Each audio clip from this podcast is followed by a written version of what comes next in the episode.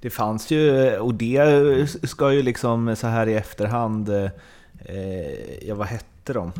Eh, brassarna där. eh, oh, han som var kanske lite för tjock men ändå väldigt bra. Paulinho? nej, nej, men i Kalmar. Ja, ja. Eh, Erik? Oh, Cesar Santin var ju med där ett tag. Men jag ja, vet vem du menar. Den andra. Han är en knubbig som kom in och, ja. och liksom hade hundra tatueringar. Ja, fan, jag kommer inte ihåg namnet. För, alltså. för där var det ju inga problem. Alltså där... De stories man hört av honom så tänker man ju att Kalmar har det bästa nattlivet i hela Europa. Men han, han behövde liksom bara en spik för att koka en av de godaste soppor man kan tänka sig. Känns det som.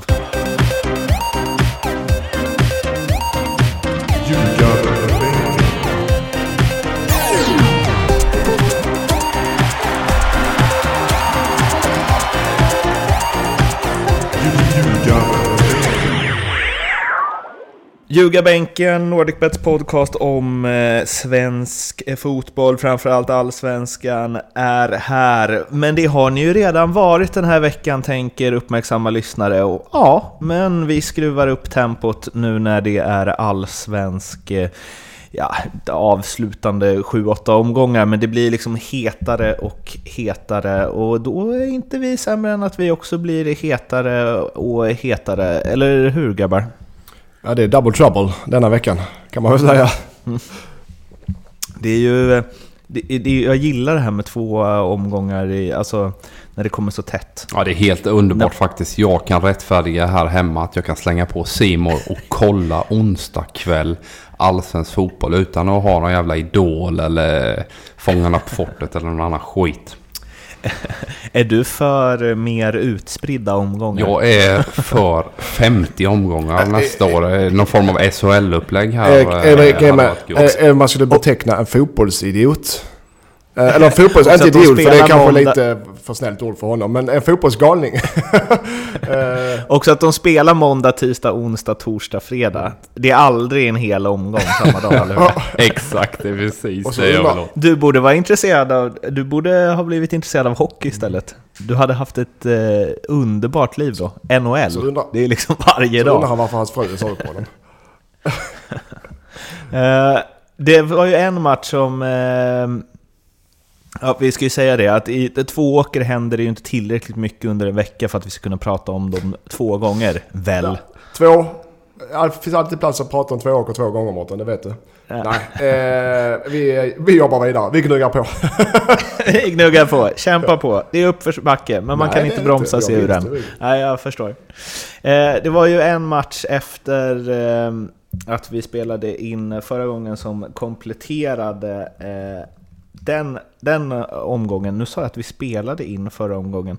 Efter att vi spelade in förra gången så var det en match eh, till som vi inte hann få med och det var derbyt mellan Häcken och Göteborg som slutade med 4-1-seger för Häcken. Den matchen ska vi stöka av lite fort, men sen har vi ju den fulla omgången som spelades eh, eh, ja, som spelades senare i veckan och där har vi resultaten Örebro Sirius 0-0, Trelleborg Dalkurd 0-1, Östersund BP 3-1.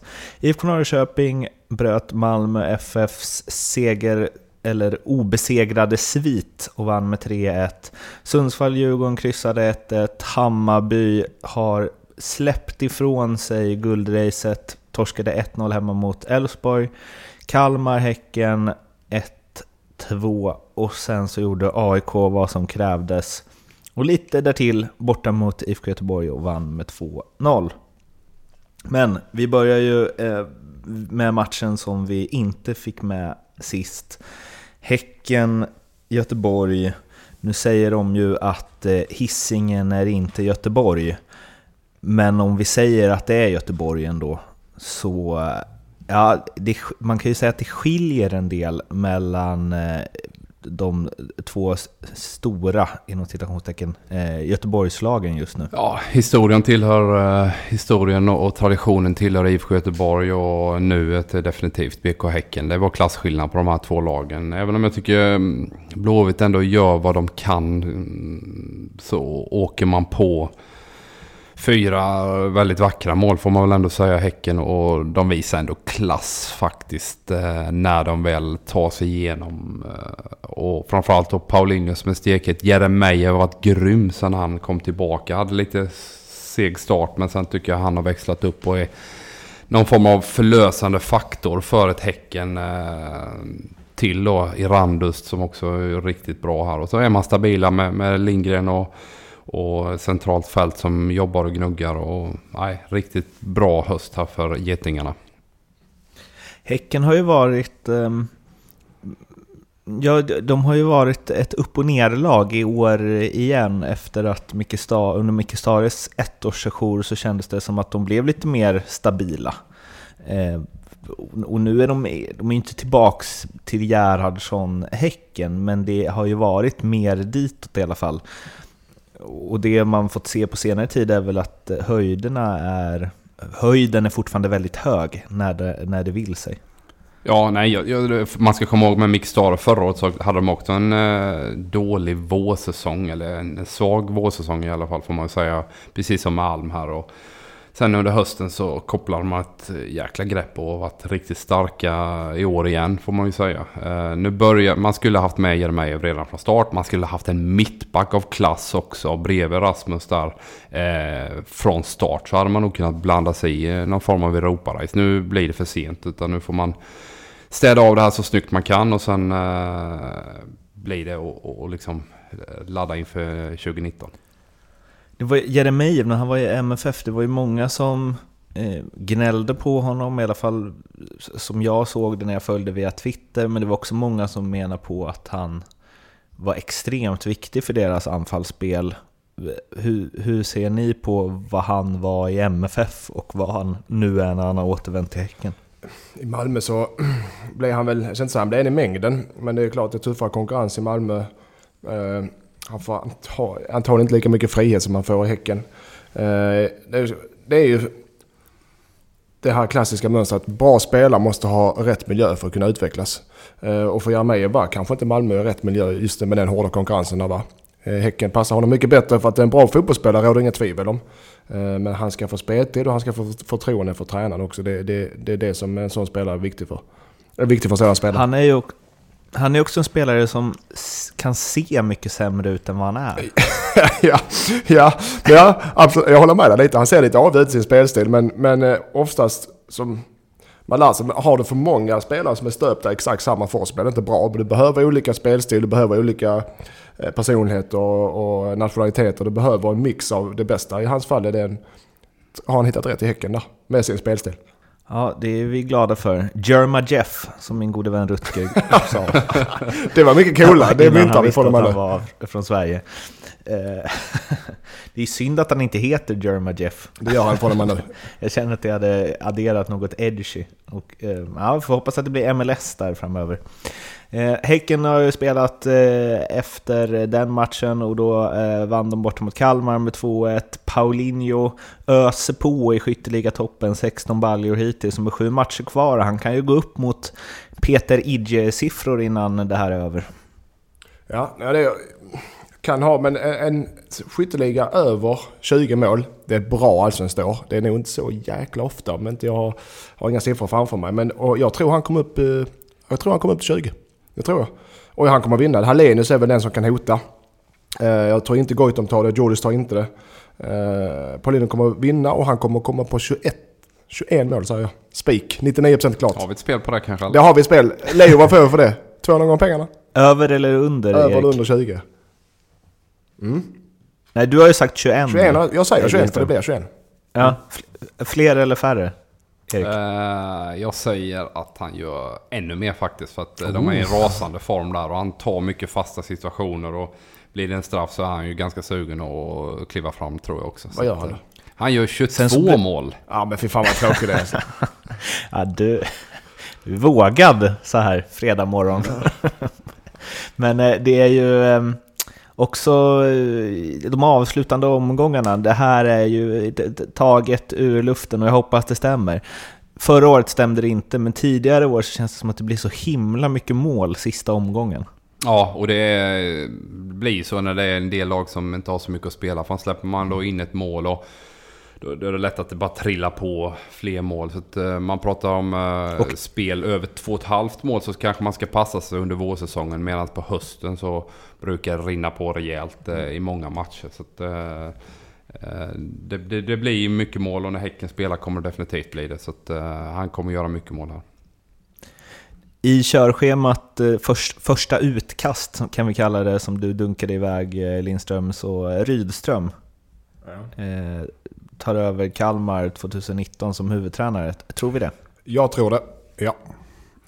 Det tror jag också. Ehm, man kan ju säga så här, det har varit några sådana situationer där man har gått in i väggen och det är klart att det är fullt naturligt ska jag säga för en tränare med det, den stress och press som finns i en vardag hela tiden som Nanne nu har råkat ut för. Ehm, Men det är ju också ofantligt svårt att liksom någonstans komma förbi det sen och komma tillbaka och bara skaka av sig det. Så att jag hade en situation när jag var i AIK där Olle Nordin jag hade lämnat men Olle Nordin gick in i väggen. Eh, och sen eh, 6-7 månader senare så ville han komma tillbaka. Men då var inte AIKs ledning så sugna på att plocka in honom igen. För att, jag vet inte om man upplever det som att det är en svaghet eh, i personligheten. Att, att eh, på något sätt eh, ja, acceptera det eller vad man ska säga. Och, eh, jag vet inte, vi har kanske kommit lite längre nu än 15 år tillbaka kring det här. Att det är mer accepterat. Jag, jag tror inte där problemet ligger. Jag tror nog kanske det är så att eh, Rydström hinner sätta så mycket av sin prägel på laget och Kalmar innan året är slut att det blir för stor eh, förändring. För att ska Nanne komma in och bestämma igen och kanske Rydström tänker ja, då, då skiter jag i det här. Om vi känner honom rätt. Eh, så jag tror att han hinner sätta sin prägel. Han har redan börjat göra det på sitt spel. Han vill spela mer passningsorienterad fotboll. Eh, så han själv uttryckt, jag vill inte vara, jag vill vara eh, jag var bara sur varje gång motståndaren hade bollen när jag spelade ungefär. Så uttryckte han väl. Så att redan nu sätter han sin Det prägel. var han ju sur i stort för att eh, tiden. nonstop Ja, det hela vet jag att han var. tiden, För Det vet de att han var. fan ingen fotboll när han Det, lirar. ja, det vet du att han var. Ja, exakt. Han var sur hela tiden. Eh, däremot tycker jag poängmässigt är det skralt. Jag tycker de tar alldeles för lite poäng Kalmar just nu. Eh, men jag tror han fortsätter nästa år för att det blir för De har ju också en hel del spännande egna lirare som han faktiskt De har det. vågat Ja. slänga in här nu. Jag tycker det är häftigt. Ja, alltså. jag säger inte så. Jag, alltså Kalmar jobbar jättebra för sina resurser. Men jag tycker fortfarande att de tar för, för skralt med poäng alltså. De har 28 poäng på eh, 23 matcher. Det är inte tillräckligt bra. Skitsamma. Ja. Vilka spelare tänker du på, Hek? Ja, jag kan ju knappt namnen på dem, men det var ju någon som Men de är hoppade bra i alla fall. Nej, men det var ju någon 19-åring som fick eh, liksom eh, göra mål igen och sen var det någon ytterligare som hoppade in igår. Va? Så att, och jag vet att den här 98-99 kullen i eh, Kalmar var väldigt framgångsrik. Sen har de ju släppt iväg några också. Eh, utomlands. Men, men de var väldigt starka och han hade ju ett finger med i det spelet när han hoppade ner efter sin spelarkarriär och, och var med och påverkade tillsammans med Jens Nils, Nilsson där också. Att de, eh, Ka- Kalmar jobbar bra med ungdomsutveckling. Ja, det, det, är en bra miljö, rätt så lugnt och tryggt och, och liksom eh, det är inte så jävla kul eh, på, på nattlivsscenen i Kalmar heller. Även om Jo, vissa kan det tyckte det i somras då. Men, men eh, det, det, är nog en bra miljö jämfört med att hänga på Stureplan till exempel. Som, som, om, man hänger, om man är i, i storklubbar som AIK och Djurgården, Hammarby. Det fanns ju, och det ska ju liksom så här i efterhand, eh, ja vad hette de? Eh, brassarna där. Eh, ah, han som var kanske lite för tjock men ändå väldigt bra. Paulinho. Nej nej, men i Kalmar. Ja, ja. Eh, Erik. Oh, Cesar Santin var ju med där ett tag. Men jag Ja, vet vem du menar. Den andra. Han är en knubbig som kom in och, Ja. och liksom hade hundra tatueringar. Ja, fan, jag kommer inte ihåg namnet det, alltså. det. Eh, För där var det ju inga problem, alltså där, de stories man hört av honom så tänker man ju att Kalmar har det bästa nattlivet i hela Europa. Start. Men han, han behövde liksom bara en spik för att koka en av de godaste soppor man kan tänka Ja, sig. men där har du också det här med mixen av eh, liksom, eh, kreativitet som de här brassarna gav och så en stabilitet med Rydström, Tobbe Karlsson och de här andra lirarna. Och sen eh, tre unga bröder som är bara in och körde liksom. Så det blev ju en jävla bra mix för Nanna där när de plockade hem guldet. Men du undrar, jag är lite mer nyfiken, om vi bortser från det fotbollsmässiga som inte är lika viktigt här tycker jag. Eh, hur har man hittar en eh, novemberfredag i, i Kalmar till en, en bra natt, utgångskväll? Det är jag nyfiken på. Fabio Augusto. Fabio för fan! Den får vi gräva djupare i Fabio. Mårten. Han kokar sina soppor på spik där. ja. Han var, han var fin. Man har inte Eh, roligare än man gör sig kanske en nej. fredag i Kalmar. Ja, det vet du mycket. Men vad heter den här lille Kanidja då som var inne och gjorde mål? Är det Isak Magnusson eller? Ja, det är det väl va? Det är Westbergs kompis där. Tror det, tror det. Fan vad dålig jag är på namn Nej, här. Jag, borde, att- jag måste plugga på Kalmars trupp bättre känner jag. Jag ska göra Ja, för att det du säger nu, jag kommer ihåg när de var... Ja, men det var någon av Tips Elite-grupperna där på Gotia Cup. Så var de ju väldigt, väldigt bra alltså. Eh, och där var ju... Eh, Edvin Krona var ju hänföraren eh, där. Eh, han är utlånad nu va? Jag känner att jag har bra koll Är inte här. han i J? Södra och, och kör ett race eller? Det är inte han. Ja, okej. För de var ju väldigt talangfulla, det var många som sa att det var alltså, men, ja, men den yngre Hallberg-brorsan och så vidare. Att, eh, ja, men att de hade liksom, det var en ny Elmkull på gång där. Ja, nej, men det, och det var Rysö som var med och petade där också. Du har ju Svante Ingesson som är i Italien och, och känner också. Så att, eh, ja, de var duktiga. De var många som var med i pojklandslag och så vidare också. Så att, eh, något år till så... Blir, har, vi, Ja. Har vi en era med Sir Rydström Ja, framför det är det som är grejen. 25 år tränare för Det är Kalmar. det som är grejen. Rydström, det är också, han drar till sig. Nu sitter vi och pratar om Rydström här i, i en kvart i ljugarbänken. Han, han drar ju till sig. helt Han drar ju till sig eh, uppmärksamhet. Så det, jag tror det är viktigt för Kalmar också som en identitet. Att har en tränare som är mer eh, utåtriktad och verbal i media än Nanne kanske har varit den sista tiden.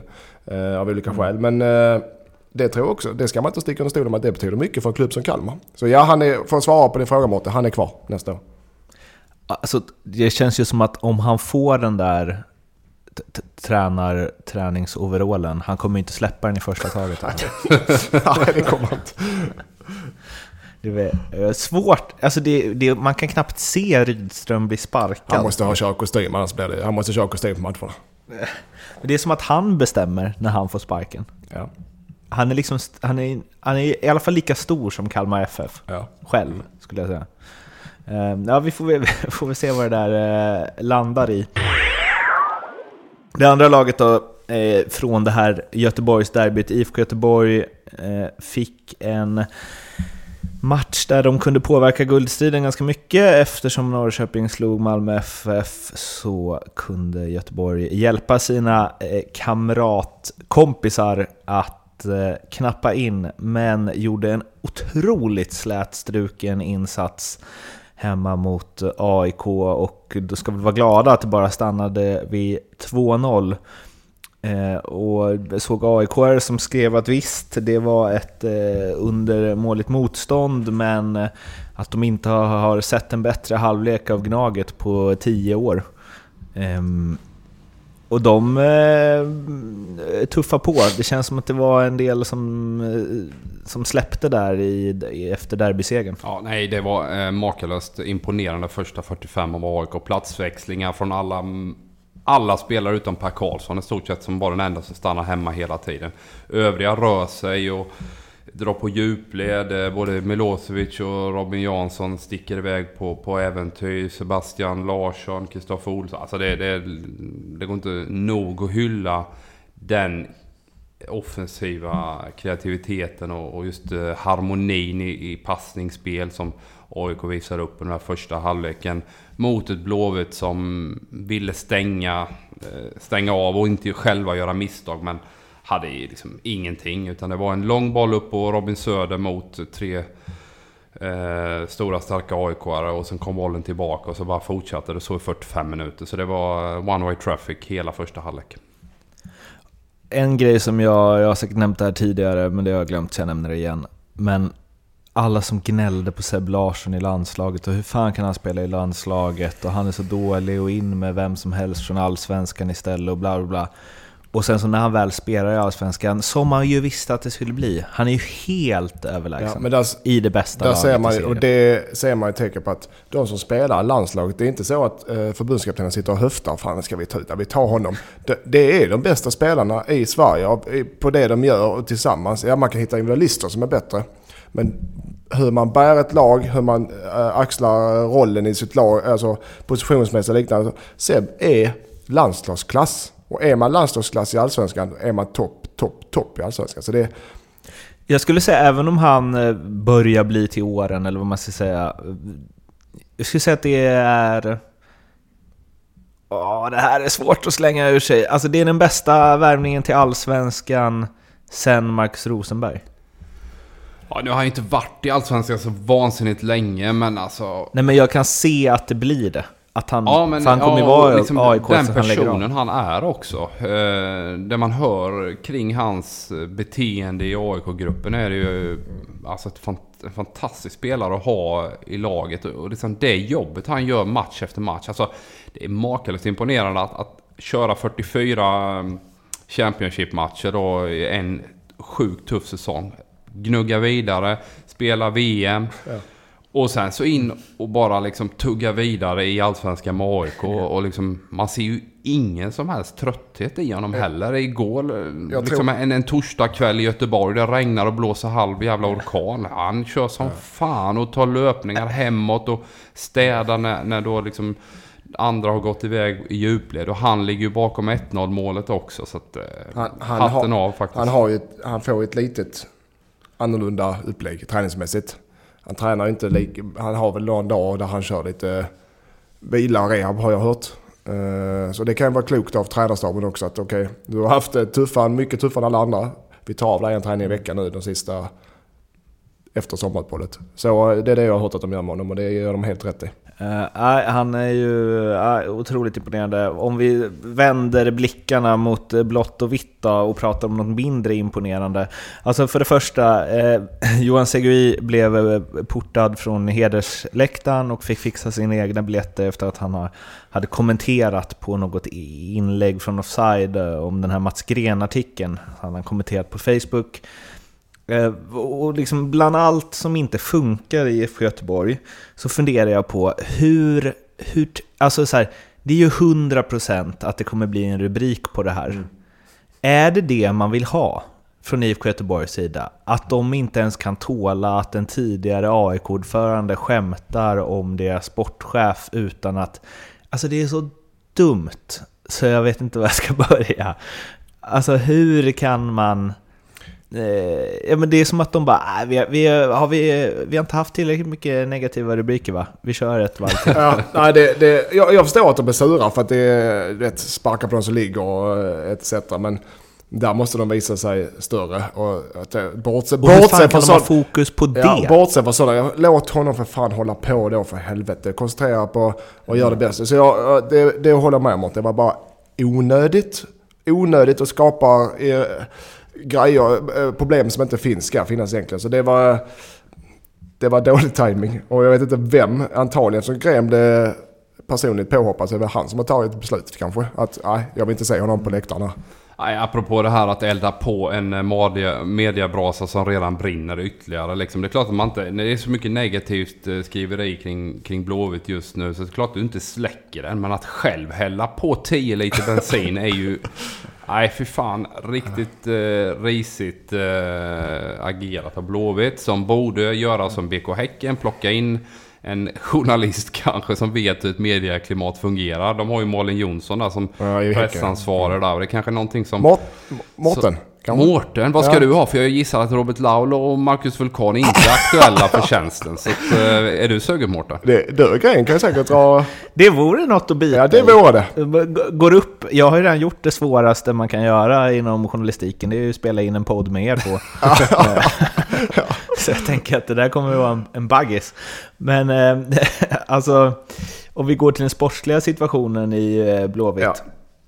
Det är ju lätt att så här, och det har ju, har ju nu ni sagt eh, avsnitt efter avsnitt att nej, de kommer inte hamna i kval och så vidare. Nu är det fem poäng ner. Ja, nej, eh, Och alltså, som det såg ut igår, visst de mötte seriens bästa lag, men herregud grejen är så här. vad dåliga de är. är så här att i början av året så var det såklart så att det är ny tränare och ny omsättning. Tålamod, tålamod utåt sett och det, är- så, det, och det är helt rätt eh, tänk. Eh, och eh, månaderna gick och det var fortfarande tålamod, tålamod. Men grejen är ju att det blir sämre och sämre desto längre året går. Spelet blir inte bättre. Publiken blir eh, färre, resultaten blir sämre. Det finns inget som bryter mönstret och säger att "Ja, tålamod, vi har en utvecklingsfas, det kommer bli bättre. Tvärtom, det blir bara sämre och sämre för varenda jävla match som går. matchen mot AIK var riktigt, riktigt illa. Ja, Eh, men vänta, vänta. Mattias, vad är alternativet då? Men jag, jag är färdig. Nej, Nej. det är inget alternativ. Jag, nej, men vi Mårten frågar om det finns chans att de blir neddragna i brottstriden i kvalplatsen. Ja, det finns det. Med tanke på att jag ser inget, ser inga tendenser på att de ska börja vinna helt plötsligt. För de har ingen, de har inte samma de har ingen desperation nu för är för många poäng från. De har ingen, de har ingen, som Erik hatar det här de har ingen energi i laget. Det är ingen, Jag tycker de krigar på allt vad de kan. Ja, ja de är bara för dåliga och då blir de indragna i brottstriden om, om de är då för dåliga Jag, jag, när jag, om, om du analyserar spelartruppen så tycker jag de ligger på ja, mer eller mindre den platsen eh, där de hör hemma idag. Men då så, om du, om man nu ser ett, en spelartrupp utan självförtroende som de har. En sådan spelartrupp som ska ligga där du tycker de ligger. Det finns ju risk att de blir indragna i, i uh, bottenstriden då, eller i kvalplatsen då. Ja, definitivt. Ja, ja. Det var Ja, det som var, det det, måste- det var det som diskussionen var ju. Och där måste jag, Louis Lindqvist, en kollega på Fotboll Stockholm, han twittrade igår att jag tror att Poja är en väldigt bra tränare om han får bossa över en bra grupp i en harmonisk klubb. Vissa kan träna topplag, andra kan rädda bottenlag. IFK och Elfsborg borde byta tränare med varandra. Eh, nu har ju i och för sig eh, Thelin eh, inte alltid räddat bottenlag, eh, men det finns ju, eh, alltså fram till den meningen att IFK och Elfsborg borde byta tränare med varandra, jag, så håller jag ju med. Och, alltså, jag håller inte jag alls säga med där faktiskt. Men Ja, eh, alltså för någonstans att Poja... Eh, jag tycker att det är en bra grej att de ska nöta på att det ska spelas med handfotboll och så. Fast, fast så här, Men det är ju också, vad är risken med det då? Alltså, klar, klarar Blåvitt ett kval? Jag är inte alls säker Nej men på för det. första, det här citatet, jag håller inte alls med. Båda de här tränarna tror jag är riktigt jävla bra fotbollsinstruktörer. som på sikt kommer göra mycket gott för båda klubbarna. Eh, materialet i Blåvitt är inte mycket bättre än där de ligger. Eh, och, men, men för mig är det liksom att, ja men då kan man ju, då lyssnar vi på Robert Lau då som, okej, 4-4-2 är lösning på alla jävla problem i hela världen. När, tala om för mig Mårten, när vann ett spelsystem någon gång en fotbollsmatch? Det har ju för fan aldrig hänt. Det är ju spelarna som ska spela och man jobbar med en spelidé utefter de kvaliteterna som finns. Tittar du på Blåvitts spelare då? Det finns ingen Boman att dynga upp 04. den på och sen en Tobbe? Hysén som springer bakom. Alltså, du måste ju göra det de faktiskt försöker. Nu är de för dåliga och Lindström är inne på de har inget självförtroende i laget och det blir bara sämre och sämre. Men alternativet är ju för fan ännu värre.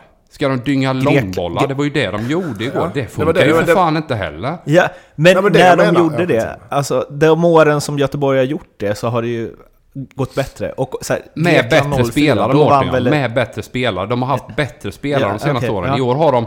De har ju hämtat superettan-spelare.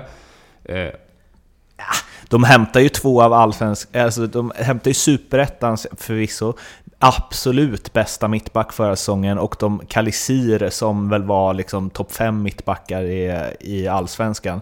Så, så dåliga värvningar har de ju faktiskt inte gjort. Nej Alltså, men de säga kommer bli bra fotbollsspelare de två du nämner där. Men idag är de inga toppspelare i Allsvenskan på något sätt. Och dessutom med dåligt självförtroende så, så, så är de alltså högst mediokra. Det är ju där det ligger. De kommer på sikt bli bra. Eh, Sargon Abraham får vi se också. Det kan mycket väl bli en bra värvning på sikt. Men idag bidrar de ju inte med det som kanske Blåvitt behöver. Grekland 04, där vann ett spelsystem framgång. Före bra spelare. Samara, riktigt bra. Eller? Samaras, han var inte med Samaras. i... Nej, jag bara sa att han var bra. Jag bara sa att han var bra. Det är Jag bara sa att han var bra. Han, var, han är som- teknisk, han är snabb, han är kreativ. Men framförallt är han grek. Ja, det tycker vi är kul. Ja, Bosse. Ja men de Ja, hade nej, det är Trajanos ju, Dellas eh, där 2,50 lång som nickar bort allting och sen så såg man till att stänga allting för motståndaren och så sprang Charisteas upp och kontrade. Det där, det där, Jag förstår vad du vill komma, men kan vi komma överens om att det var aldrig någonsin mer tak- hända igen att ett, att, att ett landslag med det sättet att spela eh, vinner ett eh, mästerskap alltså. Kan vi komma överens om att det var mer spelsystemet än spelarna som gjorde att Grekland vann 04? Spelsystemet som optimerade spelarnas kvaliteter. Exakt. Och då är ju frågan, optimerar Poja spelsystem i IFK Göteborgs spelare? Jag tror det är ja, över tid. Eh, 4-4-2 kommer definitivt inte göra det. Okej, hur långt är över tid?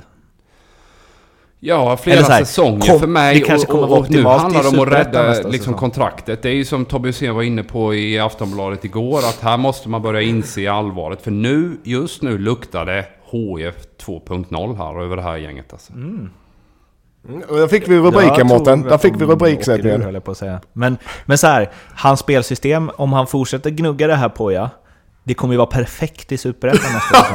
När de ska föra Nej, de kommer fixa detta. De kommer definitivt fixa detta. Men det blir... Det kommer blåsa till nu. Nu kommer de åka till Stockholm och möta Bayern. Men sen kommer det två fighter. Trelleborg hemma som är must win. Och sen möter de BP borta. Där måste de också ta en poäng. Fy Men sen fan är- sen- för att gå in i de matcherna. ju- Jag tror att Göteborg tycker att det är mycket softare att åka upp till Stockholm och möta Bayern. Ja, Alltså- ja, ja, för fan ångestmässigt och självförtroendemässigt är det, så, det är självmordsmatcher. Men jag måste tillägga en grej där. Jag, jag, håller inte med, alltid med Erik, eller väldigt sällan, men som tränare så... Nej men nu gaddar ni Nej, det gör. Nej, men, och jag ska inte... Men som tränare så...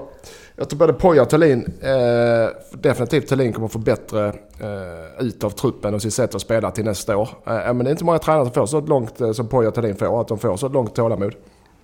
Men, eh, eh, men ta till exempel när man kommer in, man måste anpassa sin tränare också stil efter. Ta Vålemark när han gick in i Isöd efter Thelin. Med de spelarna. Han ska gå in och spela som eh, Ljungskile och det går, funkar inte där.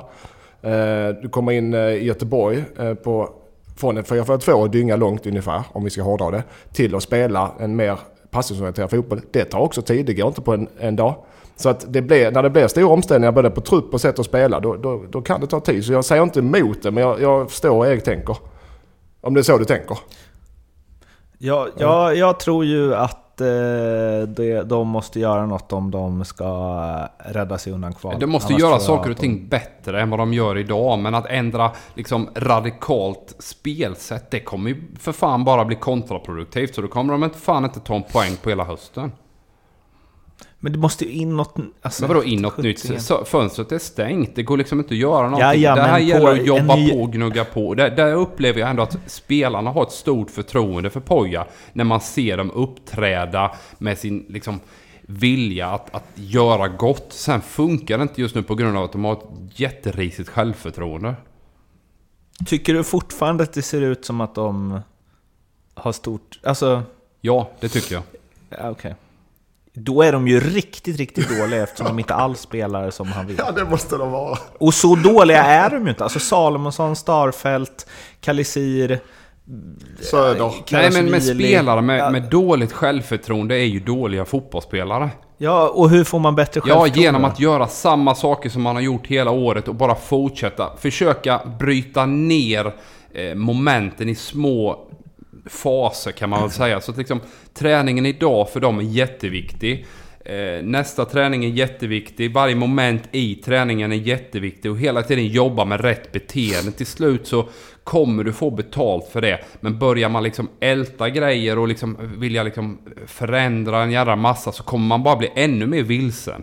För att de klarar liksom just nu inte av att göra precis så som Poja vill.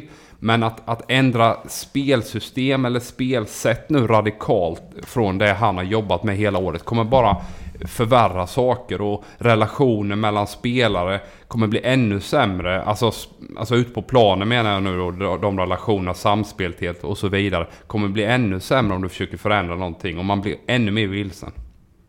Men hur är det då, om du säger så här, att få tillbaka självförtroendet här och fortsätta göra saker man gjort hela säsongen och liksom... Men om man har gjort saker hela säsongen som leder till att man nu ligger 12 i Allsvenskan och känner liksom ja, kvalelden i baken. Är det verkligen något som bygger självförtroende? Nu grabbar går vi in och gör det här igen, så att vi kanske förlorar ytterligare en match. Ja men det, det är ju så att det står ju 11 gubbar på andra sidan planhalvan och försöker göra det jävligt för dig. Och sen då klart, med varje förlust som kommer så sjunker du längre och längre ner. Det är ju egentligen inte kopplat till spelsättet bara. Erik, jag. Erik Edman har en övertro till, eh, och han har väl rätt i sitt sätt. att man- När man tryggs i spel så klarar man säkert av alla situationer. Men jag tycker att... Alla situationer kommer du inte klara Nej, av. men många situationer. Men ja, i i Göteborgs fall, de ska inte ändra spelsystem. Såklart inte. Nej, de ska inte byta några panikbyten i laget. Utan de bästa spelarna ska spela. Jag tror däremot de ska jobba, fokusera på träningarna. De kanske ska plocka, ta ner träningstiden, kanske göra några andra grejer. Ja, kanske till och med gå och spela paintball och sånt som... eh, eller ha lagfest. Alltså något som bryter mönstret. Ja men jag vet det låter som en jävla skit men... Den klassiska, Den klassiska, men på, på riktigt, på riktigt, kanske inte ha varenda träning som är rent taktiskt moment. Att nu ska vi gnugga, nu måste det här sitta till matchen. Utan har de gjort det hela året och Erik menar på att de är bekväma med sina, i sina platser och sina positioner och sitt sätt att spela. Ja då kanske de ska ha kortare träning med lite tempo, lite glädje och lite fart och fläkt. Och gå ut och spela istället för bara styra det hela tiden så de blir helt trötta i huvudet. Vet du, Lindström? Jag, jag hade velat ha dig som Ja, tränare. du kan ha massa tränarmat. Nej. Jag kan träna lite i 27 lag om du vill eller? Lagfest. Där är jag stark. Men du vet grejen är Mårten, det är bara lagfest man förlorar och jag förlorar ju inte. Eller har en sista grej om det här. Eh, Robin Fredriksson, Djurgårdssupporter, som eh, kör hårt på Twitter, skrev “Kollar igenom allsvenskan från 2009. Hammarby avslutade alltså med en vinst och 11 förluster i sista 12 matcherna och hade 7 poäng upp till kvalstrecket efter 30 omgångar. 5 poäng före Djurgården då, men eh, eh, de var 5 poäng före DIF, men avslutade 7 poäng efter. Det raset, kan Göteborg göra något liknande? Nu är det ju så här, alltså... Allt kan hända såklart. De, när var senast de vann? Har de sex raka utan vinst? De vann väl mot Östersund hemma eh, 2-1 eh, hemma på Ullevi. Där de gör en helt okej match faktiskt måste jag säga. Det var också en sån där måste vinna match för dem när de låg risigt på. Det hade en tung streak innan men där vinner de faktiskt. Det finns kvalitet men de måste få fram det såklart. Och eh, Alternativet är ju inte att Mats Green står och kokar någon jävla dunderhonung. Utan det är liksom bottom line in och jobba på träningar och försöka få små positiva saker att hända liksom. Eh, Det finns ju ingen hemlig, hemligt recept här. Men Nej, det, kan- det kanske är snarare att Gren inte ska kucka någon dunderhonung och lämna den där klubben i fred i slutet. Ja, det tror jag också. Men jag tror att de, de behöver vara i fred och som grupp och lag sluta sig samman. Och nu gör vi det här och vi skiter i alla, allt, allt skriveri och allt utanför. Alla som inte har här, är här ute på planen. Det vill säga alla utanför fotbollsplanen, styrelserummet och allt det. skiter vi och vi kör vårt. Nu går vi och spelar paintball och krökar. Ja. Men lyssna här. Just i det fallet så tror jag också de sitter sagt. För det är inte så att i Hammarbys fall så hade det varit bättre lag i Allsvenskan. Där är ändå en, när de märkt, det är ändå en eh, Sirius och BP och Dalkurd och, och eh, Trelleborg. Så det, det är inte, Göteborg måste förlora sina matcher ja, men sen måste de andra lagen vinna. Det är det som är grejen också. Och där är inte tillräckligt med kvalitet på de lagen. Göteborg räddas av att de andra lagen är för dåliga Exakt. helt enkelt. Ljugarbänken Tisho finns kvar.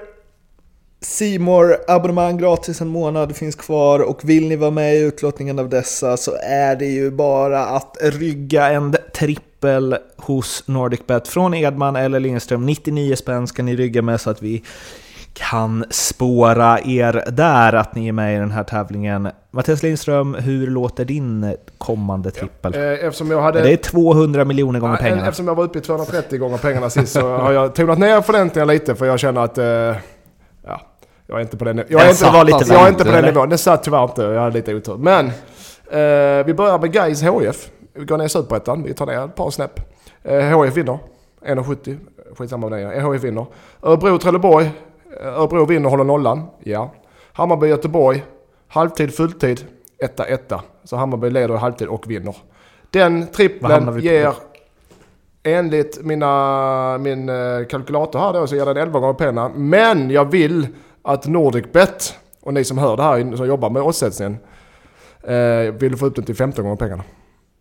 Från 11 till 15 Erik? gånger pengarna. Nu har ni inget val för nu säger jag det offentligt då.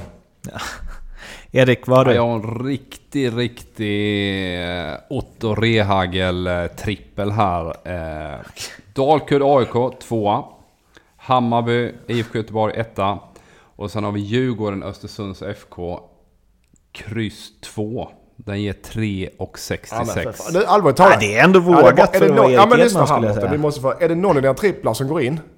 Alltså min senaste var så sjukt Ja nära. men eh, det är, det är liksom, ja men är det någon av dina tripplar Den här kommer sitta. Den- Annars ska men du lika bara smälla på lite. Hur Den- kul är det att spela 99 kronor på så du vinner? Ja, Du det är kan roligare att vinna kan- än att förlora, Du kan köpa jag. en bio, två biobiljetter om du vinner. Har du tur? Ja, det är Ja. roligare att vinna än att förlora. För Ja, du har fan inte in vunnit en gång. på...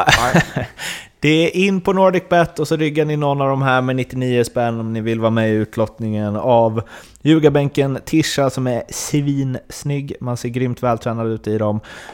Eller, eller och en månad gratis simor abonnemang som ni kan ha stor nytta av nu under den allsvenska guldstriden.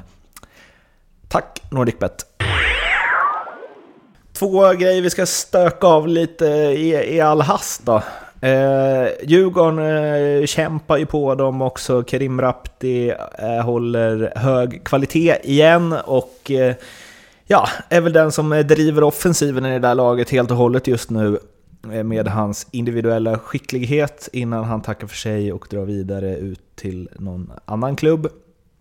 Men det är ju lite rörigt där, Henrik Berggren har slutat. Eh, eller meddelat att han ska sluta. Frågan är väl om Bosse Andersson fortsätter. Frågan är framförallt om Özcan Melke Mitchell fortsätter.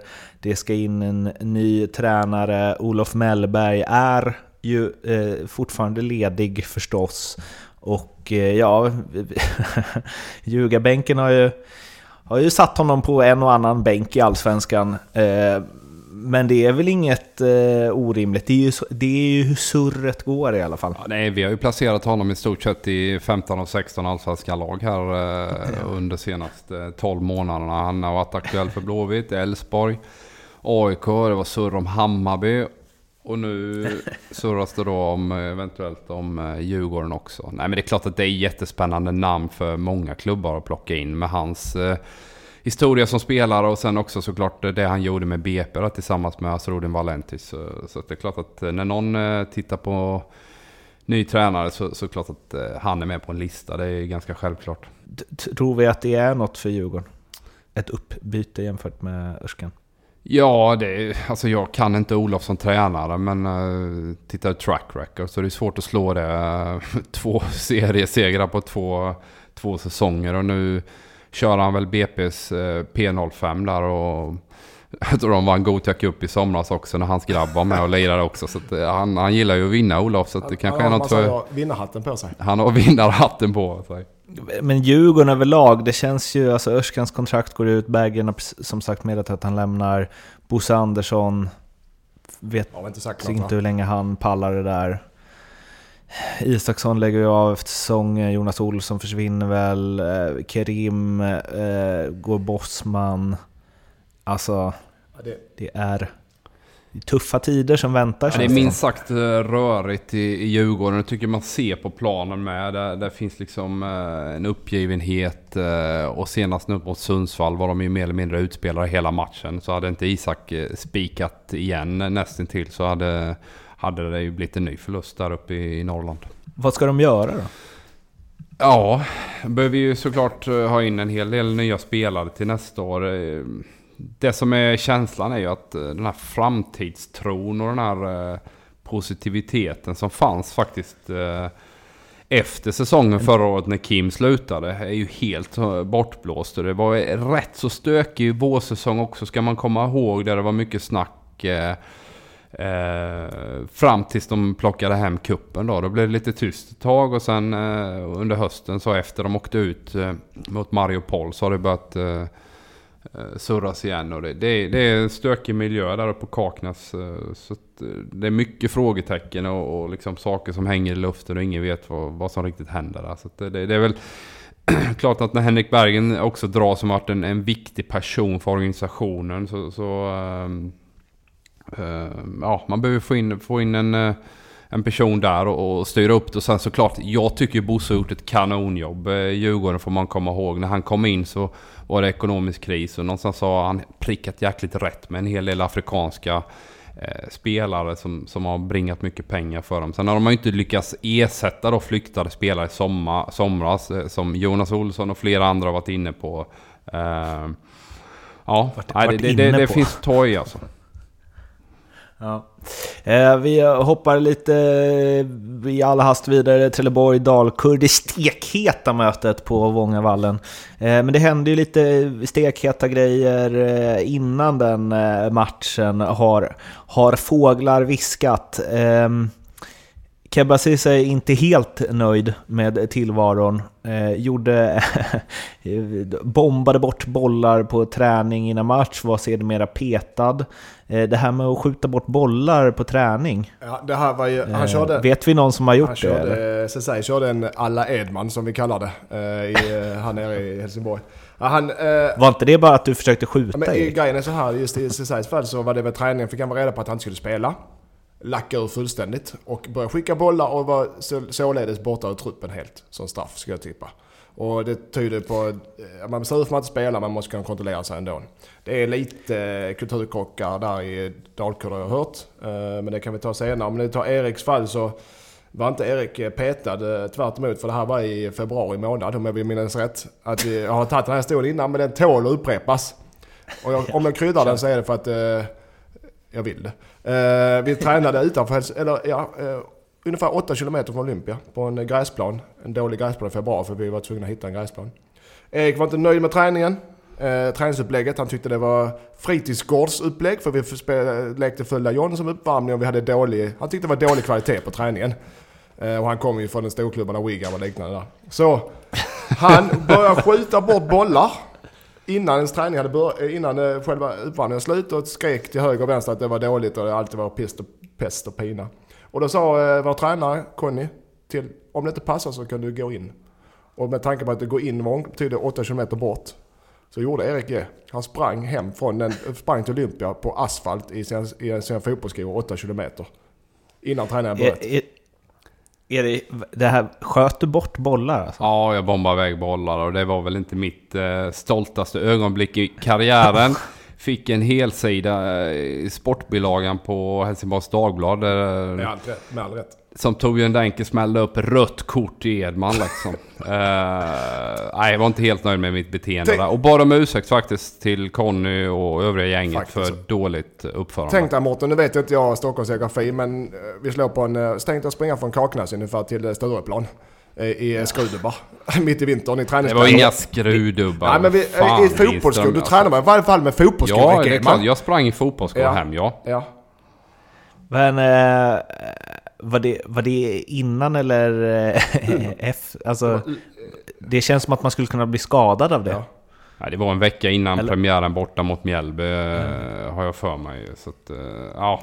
Men alltså just, eh, är det den förlösande härliga känslan när man skjuter iväg en boll? Eller vad? Nej, men jag var allmänt grinig. Jag hade sovit dåligt, varit uppe med barnen på natten eller något sånt här. Och så får jag ett jävla snedbryt och ballar ur. Det var inte ovanligt på. Det- Det, det- det var- grupp där så var det inte ovanligt med sådana. Vi hade... Nej, hade det var... Nej, men, alltså, jag liksom gör en pudel där. Det var riktigt jävla uselt beteende av mig. Så att Conny gjorde helt rätt. som skickade av mig från, från träningen. Men när jag började knata iväg det så kom jag på vad fan ska jag göra nu? Ska jag vänta på de andra?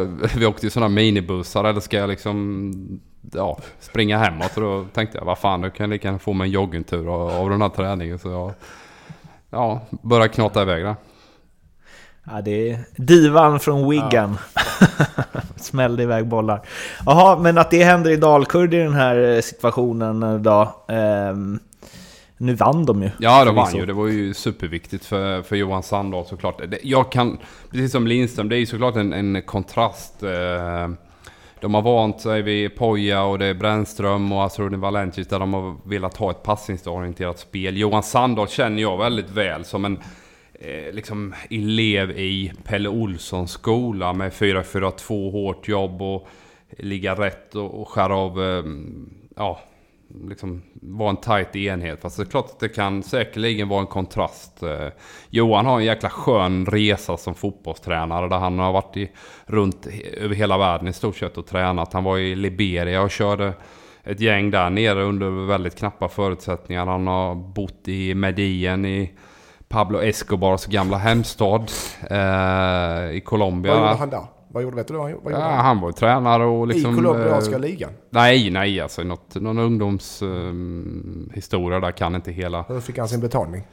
Det vet jag inte exakt vad, de betalade med där i Medien men eh, han eh, trivdes bra där och eh, sen så, han är från Växjö från början och eh, var, gick under Pelle Olsson under, under flera år och fick sin eh, ja, skola där och liksom anammade väldigt mycket av den filosofin som, som Pelle var framgångsrik med uppe i Gävle under många år. Vad säger det här om, eller va- hur påverkar sånt här ett dalkurd som strider för sin existens i Nej men det är klart att det inte är bra med, med tjafs, men samtidigt så vann de ju en match här nu va. Och behöver inte alltid vara negativt att folk visar känslor och vilja tycker jag. Utan eh, kan man bara samla ihop sig och någonstans så fick man ju välbehövliga tre poäng. Så att hoppet är ju definitivt inte ute för Dalkurd. Så att det här kan mycket väl vara bra för gruppen över tid. Att man eh, liksom, om man nu kan sluta sig samman, för det är ju det som är så viktigt också, att spelare och ledare liksom går ihop här nu, precis som vi pratar om med Blåvitt. Att man, man eh, fokuserar på det man ska göra härnäst. Och det är klart att det är en tuff match mot AIK, men säg att man kanske med tur kan få en pinne där. Så, så eh, kanske man kan eh, ja, skaka liv i det här bygget. Hammarby. Ehm, ja, de har eh, släppt, de har hoppat av guldtåget och eh, ja, blickar väl mot eh, någon Europaplats i bästa fall. Eh, Elfsborg vann 1-0. Vad är det som har hänt med Bayern? Egentligen ingenting som har hänt. Eh, jag känner som Derby tog luften ur dem lite. Eh, och har väl inte hunnit ladda om. Jag tyckte det var bättre än Elfsborg. Nu hade de otur och Elfsborg hade lite tur för en gångs skull. Men det är väl inget speciellt som hört, jag, har hänt. Jag tror de kommer hämta sig ganska snabbt och vara med. Inte om guldstriden såklart, men kommer med och, med Norrköping och Malmö och slåss ordentligt om den här Europaplatsen. Eh, jag tror också, tycker också att det är där de är. De är ett bra lag, inget guldlag, men definitivt ett bra lag. Så de är där de ska vara i tabellen tycker jag faktiskt. Det helt Men de snackar så mycket liksom och det var AIK skulle vara nervösa och jo, men, de skulle... Men vad, vad nu de skulle de komma starkare och sen de började med det där snacket så har de ju torskat tre och kryssat jo, en. Vad ska, de, alltså, vad ska de säga egentligen? De måste. Jag vet nej. inte. Lower the profile. Ja, men... Ja, och Håll det, käften men det och spela istället. Och sen så, ja men det är så... Jag tycker att ibland så kan det vara jag gillar ju själv att hålla låg profil. men, men, ibland kan jag tycka det är befriande att okej, okay, ibland funkar det inte. Men du måste i varje fall, de tror på det såklart inåt. Ibland kan man kommunicera lite, fan alltså vi är tillräckligt bra för alltså, vi kör. Och jag tycker inte det. Och ibland klarar du inte det. Du behöver inte bli sågad i tusen bitar för att ah, de spelar så jävla kaxiga. Men, men vad fan. Men så här då. Varför har de torskat fy, eller varför har de torskat tre och kryssat en på de senaste fyra? Ja, det är för att eh, de offensiva pjäserna som eh, var avgörande under väldigt lång del av säsongen inte har levererat på slutet. Och vi har hyllat Djurdjic, men han var inte alls lika bra i, i derbyt senast. Nu var han ju avstängd dessutom. Eh, Tankovic, Hamad, eh, till viss del Rodic då som kom in, har inte varit lika bra på slutet. Eh, och det har varit avgörande för att de har tappat poäng. Är det deras fel eller är det spe, spelsystemets fel? Eller är det motståndarnas fel? Eller har de, har de bara svackor? Ja, liksom? men bottom line så är det inget guldlag som Mattias är inne på. Det är ett bra allsvenskt lag, definitivt. Men det kändes ju som de, de, de låg väldigt högt i prestation. Eh, ja, första 20 matcherna hela tiden. Och nu har man dippat lite. Jag tror också att här pratar man om tradition ibland också. Det finns ju en annan tradition i Malmö och i AIK att liksom städa av matcher på ett annat sätt. Va? Ehm, att man går vidare efter spelad fight och, och, så kan man ladda om snabbare inför en annan. Här är ju ett Hammarby som inte för allt för länge sedan var i superettan, kommer upp och helt plötsligt nu är ett topplag. Och det i sig ehm, dränerar det också på mental energi. Uh, som jag tror att de inte riktigt har klarat av. Det finns ju spelare som varit med till exempel Johan Wieland som fortfarande är riktigt, riktigt bra där i det där laget. Men många Djurdjic. av spelarna, ja Djurdjic också såklart, men han har ju burit det där hela säsongen och nu känns det som att han eh, är lite tom på bensin. Men, men sen är det också, ja, de kommer inte ha något fritt fall. Inte, Djurgården kan få ett fritt fall. Uh, men Hammarby kommer inte ha något fritt fall, men är för bra för det. De kommer vinna redan eh, hemma mot eh, Blåvitt nu. Eh, och kommer vara med hela vägen. Men de är tillräckligt bra för att blanda sig i guldstriden. Och det visar sig nu. Ja, en som inte levererat idag, Jiloan Hamad på senare tid. Han var ju bänkad i den här matchen och Stefan Billborn förklarade med att han ville hålla bänkspelare levande. Det vill säga de som kom in istället då. då. Och så sa han, dödar man de som är på sidan och inte ger dem någon energi alls så tror jag att vi i lagledningen skjuter oss själva i foten.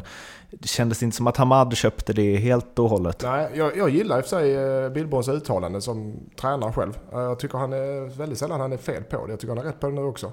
Sen så i grund och botten så tar han väl ut det laget som han tror kan vinna matchen. Och det tror Hamad är ur form. Så det var nog inte svårare än så. Det, det måste man kunna ta som spel också. Jag vet inte hur många gånger jag blev petad för att det är en annan spelare som, inte för att jag är dålig, Såklart inte. men att det är kanske andra spelare på min position som just nu, ja men så är det, som just nu är bättre. Och i Hamads fall är det att ja, han är kanske lite ur form. Det är kanske någon annan som ser piggar ut hela veckan och förtjänar att spela. Det, så måste, det måste man kunna ta som spelare, annars är man snett ute alltså. Har han, drag, har han fått ta ett steg, eh, alltså han har hämmats lite av att eh, Djurdjic kom in? Ah, jag vet inte. Jag tycker ju Gillo Anamad är en riktigt, riktigt bra spelare. Och han hade ju en galen start på serien när han fick göra en hel del mål som jag tror att som bar honom eh, en bit till. Va? Sen har han inte riktigt levererat poängmässigt. Och sen har spelet börjat hacka för honom också här nu på slutet. Va? Men, att, men det är eh, det som offside spelar så är det lättare att få sig en svacka under säsongen. Det betyder inte att han är dålig resten av året, men just nu har han en svacka. Det behöver inte vara, det är liksom, vi behöver inte gräva djupare utan han har en svacka och de offensiva spelarna har en svacka. Ja, de kommer ur det, ingen fara. Däremot är det andra spelare som kanske är i form som ska spela just nu. Men det är ju en fara för de som vill att Hammarby ska vinna guld. Är Ja, att liksom- de har en svacka. Ja, men jag tycker inte det är fel att Ja. han blir petad. Men, men eh, Hammarby, befriande Lindström att vi inte ska gräva så djupt i det. Jag tycker att det är många som överanalyserar. Ja, det är, nu, nu kör vi mer på klyschor tycker jag. Sålde Bayern guldet när de släppte Dibba? Eftersom de tappat merparten av sitt djupledsspel. Nej, säger jag. Ja, säger Erik. säger. Nej, jag säger nej bra också. att spela. De, de har inte spelarmaterial och traditioner och alla liksom... Ja, summa summarum inte tillräckligt bra för att vinna ett allsvenskt fotbollsguld. Sen var ju Dibba eh, fundamental just att sträcka en backlinje hos men var han en motståndarna. startspelare? Var han en startspelare? Nej, Nej. men han kom ju in i matcher Ja, och hade det en avgörande Ja. roll många gånger. Så, så att han har de inte lyckats ersätta, men det är inte bara där det ligger. Nej, Bayern är inte tillräckligt bra för att vinna guld. Det har du och Edman Lindström vetat om hela säsongen och nu har de fått det svart på vitt. IFK Ja, Norrköping då? Det är väl inte slut honom. IFK Norrköping då? Är de tillräckligt bra för att vinna guld? De slår ju de lagen som inga andra lag lyckas slå. Nej, men de är inte heller tillräckligt bra för att vinna guld.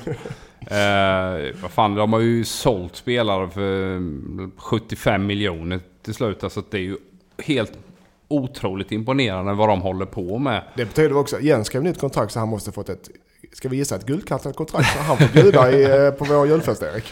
Ja, fan alltså han ska betala nästa Ja. nota. Det är en riktig krokodil där han bara försvinner när, eh, när notan ska betalas. Det är sen Krokodil. gammalt. Alltså. En krokodil. Det gör väl du också? Men, men alltså, eh, det, ja, men först så slår de ett AIK som inga andra lyckas slå. eh, Och de gör det väl utan, liksom, ja, de gör det helt rättvist med en helt okej insats. Malmö kanske visst skapade lite mer, men det var en hyfsat jämn match. De vinner den också, har ju inte tappat poäng sen Ove Rösslers intåg, eller förlorat sen Ove Rösslers intåg. Eh, och det känns ändå inte som att Peking maxar. Nej, den här matchen de- mot, mot Malmö så är ju faktiskt Malmö bättre. Men de gör första målet och kan spela på det. Eh, De är inne i ett flow ju. ja, men det var ju samma mot AIK. Det var också en jämn match. eh, som jag inte tycker att eh, Norrköping är ja, speciellt mycket bättre än AIK heller. Utan de gör första målet och kan spela på det. Och det är väl det som ofta kanske då blir avgörande i, i den här täta typen av toppmatcher i Allsvenskan. De har flytet på slutet eh, mot eh, Malmö och AIK. Men eh, de är inte tillräckligt stabila för att liksom gå rent här hela hösten. De kan mycket väl tappa poäng mot Örebro hemma och så här. Men, men, okej så här då. Men de kan ju också mycket väl vinna mot Sirius, vinna mot Djurgården, vinna mot Kalmar, vinna mot Östersund, vinna mot BP, vinna mot Örebro och vinna mot Häcken. Men de är, ja, jag, jag, jag, håller inte, jag håller med dig. Alltså de är, för det första förlorar de inte hemma för där är de ruskigt stabila. De har en förlust per året hemma. Ja, men jag tror mycket Ja, väl de ja, kan det tappa poäng mot De- Sirius ja, redan nu på lördag. bortaplan är de inte bra. Alltså där, de kan, som, där håller jag med, de kan tappa mot vilket lag som är borta. De har alltså ja, 11 matcher de spelat, de har fyra vinster på bortaplan. Det är inte bra. Eh, så att det är klart, där, där har du ett lag som, som åker med dålig självförtroende på bortamatch och vet hemma vinner man vilket lag som helst i, Sverige. Men borta är, vi- är vi svaga alltså. Eh, och det är väl motståndaren också. Om vi, alltså, men här känns det också lite mer faktiskt, precis som att ni sa kring eh, kring IFK Göteborg, att det vill ju till att BP, Trelleborg, Dalkurd vinner sina matcher också för att Göteborg ska eh, ramla ner där. Här är det ju lite så här, det vill ju till att AIK förlorar sina matcher Ja, och det också. gör de inte. Det är väl snarare det som är problemet här. Eh, men om vi plockar ut två grejer från den här matchen. Eh, eh, en sak som börjat uppmärksammas mer och mer nu är ju Isak Pettersson i Norrköpings mål. Som... Alltså vet, han är ju grym, men jag vet inte om han ser bättre ut för att han är kort. Så att hans räddningar ser så spektakulära ut. Ja, mest, när han måste slänga sig när någon annan bara sträcker ut handen ja. och plockar den. Ja, det också. Men sen är han, så vi skulle säga en, som man säger nu, en modern målvakt. Det är Neuer. Han är med i spelet på ett annat sätt och han styr och ställer på sitt sätt. Så det är ju väldigt få kontakter målvakterna har med händerna egentligen i en fotbollsmatch. Eh, han är inte helt olik eh, Per Hansson. Nej, alltså. exakt. Och jag gillar Per. Det är det bästa målvakt jag har stått med. Uh, och nu såg jag, apropå målvakter, Daniel Andersson ska göra comeback. Uh, 55, är han 55? 45. Nej, 55 säger vi. Uh, uh, så apropå mål, uh, jag var tvungen att säga det bara. Men, Var ska han göra comeback? Vad sa du? Då han, eller Daniel Andersson var motsatsen till Isak. var, var ska han göra comeback? I HF. Per Hansson är skadad. Jag har bara läst förbi, jag har inte hunnit läsa artikeln. Men är det, ska han in och spela eller? Han ska vara en backup till Kalle Joelsson som uh, kommer få stå uh, hösten ut här. Hur får de ta på honom nu när alla, allt är stängt? Han har väl suttit hemma och rullat tummarna. Ja men alltså det jag menar, hur, uh, kan man skriva kontrakt med vem man vill, hur man vill mitt under Nej men kontraktslös och sen får man väl söka dispens hos förbundet då när man har en målvaktssituation där det, där det blir problem. Mm. Ja, ja. Mm. Men eh, Isak Pettersson, hur bra är han? Ja, han är riktigt bra. Eh, tyvärr är han för kort för att eh, spela i en stor liga. Eh, han, han är ju mar makalöst bra med fötterna. Eh, vilket passar ju Norrköpings sätt att spela. Han spelar ju länge utespelare också. Eh, ska man komma ihåg. Så att han, Tills han var 16? Ja, riktigt, riktigt bra med fötterna. Och våga liksom sätta igång bakifrån och inte rädd att få tillbaka den heller och kunna vända spel. Så att, eh, jättebra allsvensk målvakt. Sen är det trots allt så att du behöver vara 1,90 för att liksom hävda dig i en större liga ute i Europa.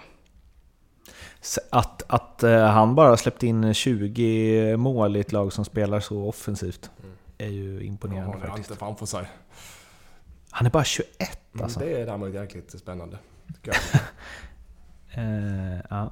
eh, en annan grej i eh, Norrköping som trots att de tuffar på Jordan Larsson, inte glad när han blev utbytt i 55 minuten, ville inte ta hand med Jens och eh, blängde och surade.